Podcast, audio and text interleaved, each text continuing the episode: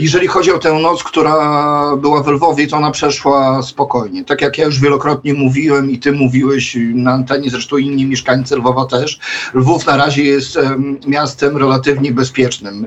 Wczoraj był tylko jeden alarm przeciwlotniczy, ale mm, wojsko tłumaczy to w ten sposób, że że alarm jest uruchamiany zawsze wtedy, kiedy jest tak zwane wyjście, czyli zostały odpalone bądź pociski balistyczne, bądź inne rodzaje mm, rakiet, bądź w przestrzeń powietrzną Ukrainy weszły jakieś statki powietrzne, które mogą nieść zagrożenie. I zanim e, Opelotka, czyli wojska obrony przestrzeni powietrznej stwierdzą, dokąd to leci. Do tego w tym momencie są uruchamiane alarmy. Zresztą cały czas nawołują, żeby nie ignorować tych alarmów, bo pomimo tego, że nic nie spada, to nie znaczy, że to się nie zmieni z dnia na dzień. Lwów e, działa jak w sumie dobrze naoliwiony zegarek. To, co też ja już wielokrotnie powtarzałem, każdy na swoim poziomie wykonuje swoją pracę. Żołnierze zabezpieczają e, bezpieczeństwo w systemie militarnym, policja i ochotnicy, zarówno obrona terytorialna, jak i ochotnicy, którzy też pilnują porządku w mieście, bo oprócz obrony terytorialnej też są struktury porządkowe stworzone z ochotników, którzy nie dostali broni, ale mogą na przykład obserwować, zgłaszać, e, mają dyżury. E, nawet mój tata się zapisał do takiej pomocy, takiej osiedlowej pomocy na, na na, na, lwowskim e, Łyczakowie, w dzielnicy Łyczaków, do właśnie obserwowania jakichś nietypowych zachowań.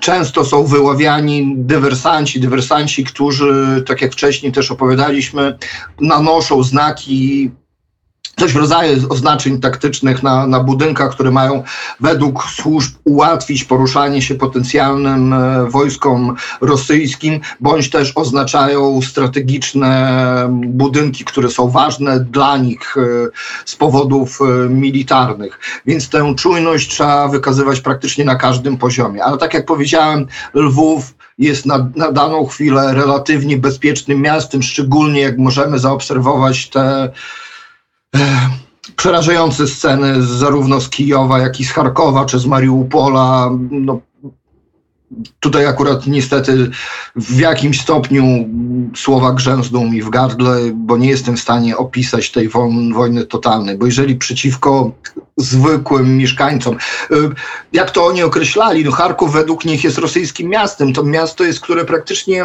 w 100% jest rosyjskojęzyczne w którym wybierano przez dziesięciolecia prorosyjskich polityków, e, jest równane z ziemią e, artylerią rakietową.